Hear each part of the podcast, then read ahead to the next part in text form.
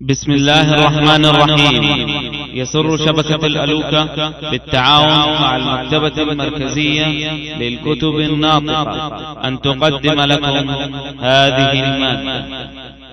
تفسير سورة البقرة لابن كثير. وقال الأوزاعي القضاة لا يجيزون أن يأخذ منها أكثر مما ساق إليها. قلت ويستدل لهذا القول بما تقدم من رواية قتادة عن عكرمة عن ابن عباس في قصة ثابت بن قيس فأمره رسول الله صلى الله عليه وسلم أن يأخذ منها الحديقة ولا يزداد. وبما, وبما روى عبد بن حميد حيث قال أخبرنا قبيصة عن سفيان عن ابن جريج عن عطاء أن النبي صلى الله عليه وسلم كره أن يأخذ منها أكثر مما أعطاها يعني المختلعة وحملوا معنى الآية على معنى فلا جناح عليهما فيما افتدت به أي من الذي أعطاها لتقدم قوله ولا تأخذوا مما آتيتموهن شيئا إلا أن يخافا ألا يقيما حدود الله. فإن خفتم ألا يقيما حدود الله فلا جناح عليهما فيما افتدت به. أي من ذلك. وهكذا كان يقرأها الربيع بن أنس فلا جناح عليهما فيما افتدت به منه. رواه ابن جرير. ولهذا قال بعده تلك حدود الله فلا تعتدوها ومن يتعد حدود الله فأولئك هم الظالمون. فصل. قال الشافعي اختلف أصحابنا في الخلع فأخبرنا سفيان عن عمرو بن دينار عن طاووس عن ابن عباس في رجل طلق امرأته تطليقتين ثم اختلعت منه بعد يتزوجها إن شاء لأن الله تعالى يقول الطلاق مرتان قرأ إلى أن يتراجعا. قال الشافعي وأخبرنا سفيان عن عمرو عن عكرمة قال كل شيء أجازه المال فليس بطلاق وروى غير الشافعي عن سفيان بن عيينة عن عمرو بن دينار عن طاووس عن ابن عباس أن إبراهيم بن سعد ابن أبي وقاص سأله فقال رجل طلق امرأته تطليقتين ثم اختلعت منه أيتزوجها؟ قال نعم ليس الخلع بطلاق ذكر الله الطلاق في أول الآية وآخرها والخلع فيما بين ذلك فليس الخلع بشيء ثم قرأ الطلاق مرتان فإمساك بمعروف أو تسريح بإحسان وقرأ فإن طلقها فلا تحل له من بعد حتى تنكح زوجا غيره. وهذا الذي ذهب إليه ابن عباس رضي الله عنهما من أن الخلع ليس بطلاق وإنما هو فسخ هو رواية عن أمير المؤمنين عثمان بن عفان وابن عمر وهو قول طاووس وعكرمة وبه يقول أحمد بن حنبل وإسحاق بن راهويه وأبو ثور وداود بن علي الظاهري وهو مذهب الشافعي في القديم وهو ظاهر الآية الكريمة. والقول الثاني في الخلع أنه طلاق بائن إلا أن ينوي أكثر من ذلك. قال مالك عن هشام بن عروة عن أبيه عن جهمان مولى الأسلميين عن أم بكر الأسلمية أنها اختلعت من زوجها عبد الله بن خالد بن أسيد فأتيا عثمان بن عفان في ذلك فقال تطليقة إلا أن تكون سميت شيئا فهو ما سميت. قال الشافعي ولا أعرف جهمان وكذا ضعف أحمد بن حنبل هذا الأثر والله أعلم. وقد روي نحوه عن عمر وعلي وابن مسعود وابن عمر وبه يقول سعيد بن المسيب والحسن وعطاء وشريح والشعبي وإبراهيم وجابر بن زيد وإليه ذهب مالك وأبو حنيفة وأصحابه والثوري والأوزاعي وأبو عثمان البتي والشافعي في الجديد غير أن الحنفية عندهم أنه متى نوى المخالع بخلعه تطليقة أو اثنتين أو أطلق فهو واحدة بائنة وإن نوى ثلاثا فثلاث. وللشافعي قول آخر في الخلع وهو أنه متى لم يكن بلفظ الطلاق وعري عن البينة فليس هو بشيء بالكلية. مسألة وذهب مالك وأبو حنيفة والشافعي وأحمد وإسحاق بن راهويه في رواية عنهما وهي المشهورة إلى أن المختلعة عدتها عدة المطلقة بثلاثة قروء إن كانت ممن تحيض. وروي ذلك عن عمر وعلي وابن عمر وبه يقول سعيد بن المسيب وسليمان بن يسار. وعروة وسالم وأبو سلمة وعمر بن عبد العزيز وابن شهاب والحسن والشعبي وإبراهيم النخعي وأبو عياض وخلاس بن عمر وقتادة وسفيان الثوري والأوزاعي والليث بن سعد وأبو العبيد قال الترمذي وهو قول أكثر أهل العلم من الصحابة وغيرهم ومأخذهم في هذا أن الخلع طلاق فتعتد كسائر المطلقات. والقول الثاني أنها تعتد بحيضة واحدة تستبرئ بها رحمها. قال ابن أبي شيبة حدثنا يحيى بن سعيد عن نافع عن ابن عمر أن الربيع اختلعت من زوجها فأتى عمها عثمان رضي الله عنه فقال تعتد بحيضة. قال وكان ابن عمر يقول تعتد ثلاث حيض حتى قال هذا عثمان فكان ابن عمر يفتي به ويقول عثمان خيرنا وأعلمنا. وحدثنا عبدة عن عبيد الله عن نافع عن ابن عمر قال عدة المختلعة حيضة. وحدثنا عبد الرحمن بن محمد المحاربي عن ليث عن طاووس عن ابن عباس قال عدتها حيضة وبه يقول عكرمة وأبان بن عثمان وكل من تقدم ذكره ممن يقول إن الخلع فسخ يلزمه القول بهذا واحتجوا لذلك بما رواه أبو داود والترمذي حيث قال كل منهما حدثنا محمد بن عبد الرحيم البغدادي حدثنا علي بن يحيى أخبرنا هشام بن يوسف عن معمر عن عمرو بن مسلم عن عكرمة عن ابن عباس أن امرأة ثابت بن قيس اختلعت من زوجها على عهد النبي صلى الله عليه وسلم فأمرها النبي صلى الله عليه وسلم أن تعتد بحيضة. ثم قال الترمذي حسن غريب. وقد رواه عبد الرزاق عن معمر عن عمرو بن مسلم عن عكرمة مرسلا حديث آخر.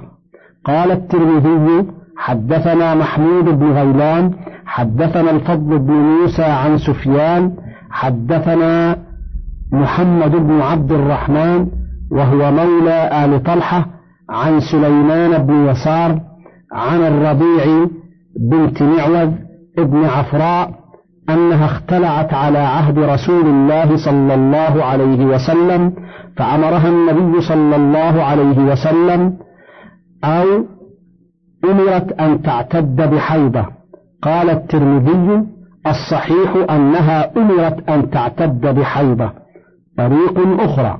قال ابن ماجه حدثنا علي بن سلمة النيسابوري حدثنا يعقوب بن إبراهيم.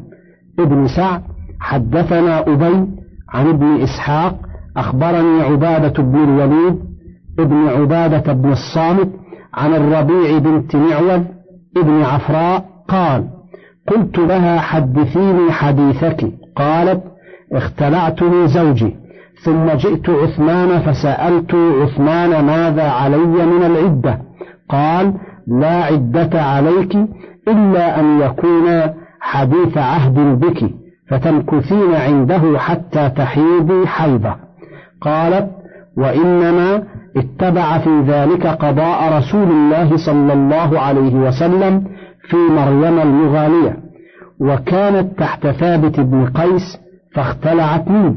وقد روى ابن لهيعة عن أبي الأسود عن أبي سلمة ومحمد بن عبد الرحمن بن ثوبان عن الربيع بنت معوذ قالت سمعت رسول الله صلى الله عليه وسلم يأمر امرأة ثابت بن قيس حين اختلعت منه أن تعتد بحيضة. مسألة. وليس للمخالع أن يراجع المختلعة في العدة بغير رضاها عند الأئمة الأربعة وجمهور العلماء لأنها قد ملكت نفسها بما بذلت له من العطاء. وروي عن عبد الله بن أبي أوفى وماهان الحنفي وسعيد بن المسيب والزهري أنهم قالوا إن رد إليها الذي أعطاها جاز له رجعتها في العدة بغير رضاها وهو اختيار أبي ثور رحمه الله. وقال سفيان الثوري إن كان الخلع بغير لفظ الطلاق فهو فرقة ولا سبيل له عليها وإن كان يسمى طلاقا فهو أملك لرجعتها ما دامت في العدة. وبه يقول داود بن علي الظاهري واتفق الجميع على أن للمخترع أن يتزوجها في العدة. وحكى الشيخ أبو عمر بن عبد البر عن فرقة أنه لا يجوز له ذلك كما لا يجوز لغيره وهو قول شاذ مردود. مسألة وهل له أن يوقع عليها طلاقا آخر في العدة؟ فيه ثلاثة أقوال للعلماء. أحدها ليس له ذلك لأنها قد ملكت نفسها وبانت منه وبه يقول ابن عباس وابن الزبير وعكرمة وجابر بن زيد والحسن البصري والشافعي وأحمد بن حنبل وإسحاق بن راهويه وأبو ثور. والثاني قال مالك إن أتبع الخلع طلاقا من غير سكوت بينهما وقع وإن سكت بينهما لم يقع. قال ابن عبد البر وهذا يشبه ما روي عن عثمان رضي الله عنه. والثالث أنه يقع عليها الطلاق بكل حال ما دامت في العدة وهو قول أبي حنيفة وأصحابه والثوري والأوزاعي وبه يقول سعيد بن المسيب وشريح وطاووس وإبراهيم والزهري والحاكم والحكم وحماد بن أبي سليمان وروي ذلك عن ابن مسعود وأبي الدرداء. قال ابن عبد البر وليس ذلك بثابت عنهما. وقوله تلك حدود الله فلا تعتدوها ومن يتعد حدود الله فأولئك هم الظالمون. أي هذه الشرائع التي شرعها لكم هي حدوده فلا تتجاوزوها. كما ثبت في الحديث الصحيح إن الله حد حدودا فلا تعتدوها وفرض فرائض فلا تضيعوها. وحرم محارم فلا تنتهكوها وسكت عن أشياء رحمة لكم غير نسيان فلا تسألوا عنها. وقد يستدل بهذه الآية من ذهب إلى أن جمع الطلقات الثلاث بكلمة واحدة حرام كما هو مذهب المالكية ومن وافقهم. وإنما السنة عندهم أن يطلق واحدة لقوله الطلاق مرتان ثم قال تلك حدود الله فلا تعتدوها ومن يتعد حدود الله فأولئك هم الظالمون. ويقوون ذلك بحديث محمود بن لبيد الذي رواه النسائي في سننه حيث قال حدثنا سليمان بن داود أخبرنا ابن وهب عن مخرمة بن بكير عن أبيه عن محمود بن لبيد قال أخبر رسول الله صلى الله عليه وسلم عن رجل طلق امرأته ثلاث تطبيقات جميعا فقام غضبان ثم قال أيلعب بكتاب الله وأنا بين أظهركم؟ حتى قام رجل فقال يا رسول الله ألا أقتله؟ فيه انقطاع. وقوله تعالى فإن طلقها فلا تحل له من بعد حتى تنكح زوجا غيره أي أنه إذا طلق الرجل امرأته طلقة ثالثة بعدما أرسل عليها الطلاق مرتين فإنها تحرم عليه حتى تنكح زوجا غيره أي حتى يطأها زوج آخر في نكاح صحيح فلو وطئها واطئ في غير نكاح ولو في ملك اليمين لم تحل للأول لأنه ليس بزوج. وهكذا لو تزوجت ولكن لم يدخل بها الزوج لم تحل للأول. واشتهر بين كثير من الفقهاء أن سعيد بن المسيب رحمه الله أنه يقول يحصل المقصود من تحليلها للأول بمجرد العقد على الثاني وفي صحته عنه نظر على أن الشيخ أبا عمرو بن عبد البر قد حكاه عنه في الاستذكار والله أعلم.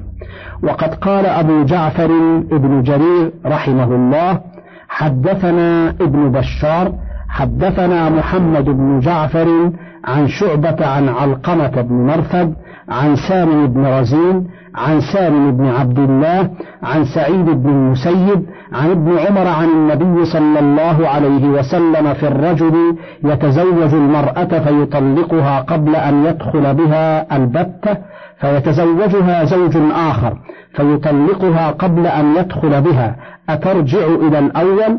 قال لا. حتى تذوق عسيلته ويذوق عسيلتها هكذا وقع في رواية ابن جرير وقد رواه الإمام أحمد فقال حدثنا محمد بن جعفر حدثنا شعبة عن علقمة بن مرثد قال سمعت سالم بن رزين يحدث عن سالم بن عبد الله يعني ابن عمر عن سعيد بن المسيب عن ابن عمر عن النبي صلى الله عليه وسلم في الرجل تكون له المرأة فيطلقها ثم يتزوجها رجل فيطلقها قبل أن يدخل بها فترجع إلى زوجها الأول.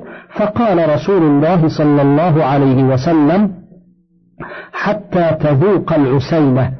وهكذا رواه النسائي عن عمرو بن علي الفلاس وابن ماجه عن محمد بن بشار بن دار كلاهما عن محمد بن جعفر غندر عن شعبة به كذلك. فهذا من رواية سعيد بن المسيب عن ابن عمر مرفوعا على خلاف ما يحكى عنه. فبعيد أن يخالف ما رواه بغير مستند والله أعلم. وقد روى أحمد أيضا والنسائي وابن جرير هذا الحديث من طريق سفيان الثوري عن علقمة بن مرثد عن رزين بن سليمان الأحمري عن ابن عمر قال سئل النبي صلى الله عليه وسلم عن الرجل يطلق امرأته ثلاثا فيتزوجها آخر فيغلق الباب ويرخي الستر ثم يطلقها قبل أن يدخل بها هل تحل للأول؟ قال لا حتى تذوق العسيلة وهذا لفظ أحمد وفي رواية لأحمد سليمان بن رزين حديث آخر. قال الإمام أحمد حدثنا عفان حدثنا محمد بن دينار حدثنا يحيى بن يزيد الهنائي عن أنس بن مالك أن رسول الله صلى الله عليه وسلم سئل عن رجل كانت تحته امرأة فطلقها ثلاثا فتزوجت بعده رجلا فطلقها قبل أن يدخل بها. أتحل لزوجها الأول؟ فقال رسول الله صلى الله عليه وسلم لا حتى يكون الآخر قد ذاق من عسيلتها وذاقت من عسيلته. وهكذا رواه ابن جرير عن محمد بن إبراهيم الأناطي عن هشام بن عبد الملك حدثنا محمد بن دينار فذكر قلت ومحمد بن دينار ابن صندل أبو بكر الأزدي ثم الطاء البصري ويقال له ابن أبي الفرات اختلفوا فيه فمنهم من ضعفه ومنهم من قواه وقبله وحسن له وذكر أبو داود أنه تغير قبل موته فالله أعلم. حديث آخر قال ابن جرير حدثنا عبيد بن آدم ابن أبي إياس العسقلاني حدثنا أبي حدثنا شيبان حدثنا يحيى ابن أبي كثير عن أبي الحارث الغفاري عن أبي هريرة قال قال رسول الله صلى الله عليه وسلم في المرأة يطلقها زوجها ثلاثا فتتزوج غيره فيطلقها قبل أن يدخل بها فيريد الأول أن يراجعها. قال لا حتى يذوق الآخر عسيلتها ثم رواه من وجه آخر عن شيبان وهو ابن عبد الرحمن به وأبو الحارث غير معروف. حديث آخر. قال ابن جرير حدثنا يحيى عن عبيد الله حدثنا القاسم عن عائشة أن رجلا طلق امرأته ثلاثا فتزوجت زوجا فطلقها قبل أن يمسها. فسئل رسول الله صلى الله عليه وسلم أتحل للأول فقال لا حتى يذوق من عسيلتها كما ذاق الأول. أخرجه البخاري ومسلم والنسائي من طرق عن عبيد الله بن عمر العمري عن القاسم بن أبي بكير عن عمته عائشة به. طريق أخرى. قال ابن جرير حدثنا عبيد الله ابن إسماعيل الهباري وسفيان بن وكيع وأبو هشام الرفاعي قالوا حدثنا أبو معاوية عن الأعمش عن إبراهيم عن الأسود عن عائشة قالت سئل النبي صلى الله عليه وسلم عن رجل طلق امرأته فتزوجت رجلا غيره فدخل بها. ثم طلقها قبل أن يواكعها أتحل لزوجها الأول؟ فقال رسول الله صلى الله عليه وسلم لا تحل لزوجها الأول حتى يذوق الآخر عسيلتها وتذوق عسيلته. وكذا رواه أبو داود عن مسدد والنسائي عن أبي كريب كلاهما عن أبي معاوية وهو محمد بن حازم الضرير طريق أخرى. قال مسلم في صحيحه حدثنا محمد بن العلاء الهمداني حدثنا أبو أسامة عن هشام عن أبيه عن عائشة أن رسول الله صلى الله عليه وسلم سئل عن المرأة يتزوجها الرجل فيطلقها فتتزوج رجلا آخر فيطلقها قبل أن يدخل بها أتحل لزوجها الأول؟ قال لا. حتى يذوق عسيلتها. قال مسلم وحدثنا أبو بكر ابن أبي شيبة حدثنا أبو فضيل وحدثنا أبو كريب حدثنا أبو معاوية جميعا عن هشام بهذا الإسناد. وقد رواه البخاري من طريق أبي معاوية محمد بن حازم عن هشام به وتفرد به مسلم من الوجهين الآخرين. وهكذا رواه ابن جرير من طريق عبد الله بن المبارك عن هشام بن عروة عن أبيه عن عائشة مرفوعا بنحوه أو مثله. وهذا إسناد جيد.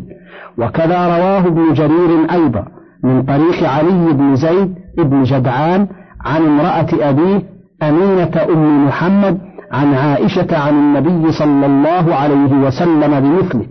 وهذا السياق مختصر من الحديث الذي رواه البخاري حدثنا عمرو بن علي حدثنا يحيى عن هشام بن عروة حدثني أبي عن عائشة مرفوعا عن النبي صلى الله عليه وسلم. وحدثنا عثمان بن أبي شيبة حدثنا عبدة عن هشام بن عروة عن أبيه عن عائشة أن رفاعة القرظ تزوج امرأة ثم طلقها فأتت النبي صلى الله عليه وسلم فذكرت له أنه لا يأتيها وأنه ليس معه إلا مثل هدة الثوب. فقال لا حتى تذوقي عسيلته ويذوق عسيلتك. تفرد به من هذا الوجه. طريق أخرى. قال الإمام أحمد حدثنا عبد الأعلى عن معمر عن الزهري عن عروة عن عائشة قالت دخلت امرأة رفاعة القرظ وأنا وأبو بكر عند النبي صلى الله عليه وسلم فقالت إن رفاعة طلقني البتة وإن عبد الرحمن ابن الزبير تزوجني وإنما عنده مثل الهدة وأخذت هدة من جلبابها وخالد بن سعيد بن العاص بالباب لم يؤذن له فقال يا أبا بكر ألا تنهى هذه عما تجهر به بين يدي رسول الله صلى الله عليه وسلم فما زاد رسول الله صلى الله عليه وسلم عن التبسم. فقال رسول الله صلى الله عليه وسلم كأنك تريدين أن ترجعي إلى رفاعة؟ لا حتى تذوقي عسيلته ويذوق عسيلتك. وهكذا رواه البخاري من حديث عبد الله بن المبارك ومسلم من حديث عبد الرزاق والنسائي من حديث يزيد بن زريع ثلاثتهم عن معمر به. وفي حديث عبد الرزاق عند مسلم أن رفاعة طلقها آخر ثلاث تطليقات وقد رواه الجماعة إلا أبو داود من طريق سفيان بن عيينة والبخاري من طريق عقيل ومسلم من طريق يونس بن يزيد وعنده آخر ثلاث تطليقات والنسائي من طريق أيوب بن موسى ورواه صالح بن أبي الأخضر كلهم عن الزهري عن عروة عن عائشة به. وقال مالك عن المسور بن رفاع القرظي عن الزبير بن عبد الرحمن بن الزبير أن رفاعة ابن سموأل طلق امرأته تميمة بنت وهب في عهد رسول الله صلى الله عليه وسلم ثلاثة. فنكحت عبد الرحمن بن الزبير فاعترض عنها فلم يستطع أن يمسها ففارقها. فأراد رفاعة بن سموأل أن ينكحها وهو زوجها الأول الذي كان طلقها. فذكر ذلك لرسول الله صلى الله عليه وسلم فنهاه عن تزويجها. وقال لا تحل لك حتى تذوق العسيلة. هكذا رواه أصحاب الموطأ عن مالك. وفيه انقطاع.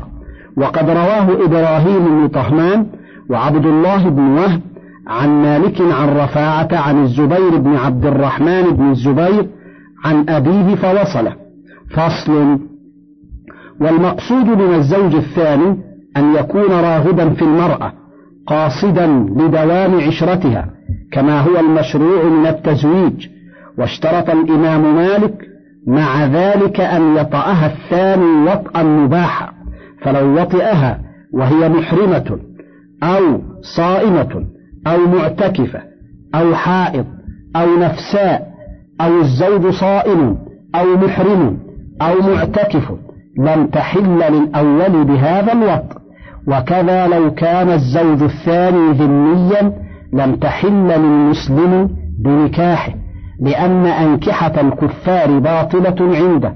واشترط الحسن البصري فيما حكاه عنه الشيخ أبو عمر ابن عبد البر أن ينزل الزوج الثاني وكأنه تمسك بما فهمه من قوله عليه الصلاة والسلام حتى تذوق عسيلته ويذوق عسيلتك ويلزم على هذا أن تنزل المرأة أيضا وليس المراد بالعسيلة المني لما رواه الإمام أحمد والنسائي عن عائشة رضي الله عنه أن رسول الله صلى الله عليه وسلم قال ألا إن العسيلة الجماع. فأما إذا كان الثاني إنما قصده أن يحلها للأول فهذا هو المحلل الذي وردت الأحاديث بذمه ولعنه ومتى صرح بمقصوده في العقد بطل النكاح عند جمهور الأئمة. ذكر الأحاديث الواردة في ذلك. الحديث الأول عن ابن مسعود رضي الله عنه قال الإمام أحمد حدثنا الفضل بن دكين حدثنا سفيان عن أبي قيس عن الهزيل عن عبد الله قال لعن رسول الله صلى الله عليه وسلم الواشمة والمستوشمة والواصلة والمستوصلة والمحلل والمحلل له وآكل الربا وموكله ثم رواه أحمد والترمذي والنسائي من غير وجه. عن سفيان وهو الثوري عن أبي قيس واسمه عبد الرحمن ابن ثروان الأودي عن هذيل بن شرحبيل الأودي عن عبد الله بن مسعود عن النبي صلى الله عليه وسلم به ثم قال الترمذي هذا حديث حسن صحيح. قال والعمل على هذا عند أهل العلم من الصحابة منهم عمر وعثمان وابن عمر وهو قول الفقهاء من التابعين. ويروى ذلك عن علي وابن مسعود وابن عباس. طريق أخرى. عن ابن مسعود قال الإمام أحمد حدثنا زكريا بن عدي حدثنا عبيد الله عن عبد الكريم عن أبي الواصل عن ابن مسعود عن رسول الله صلى الله عليه وسلم قال لعن الله المحلل والمحلل له. طريق أخرى.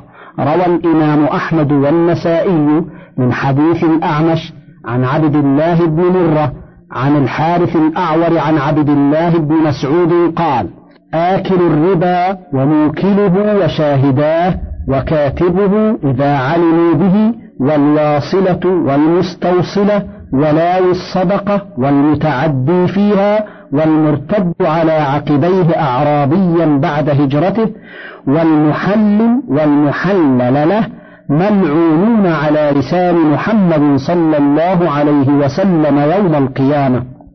من فضلك تابع بقية المادة.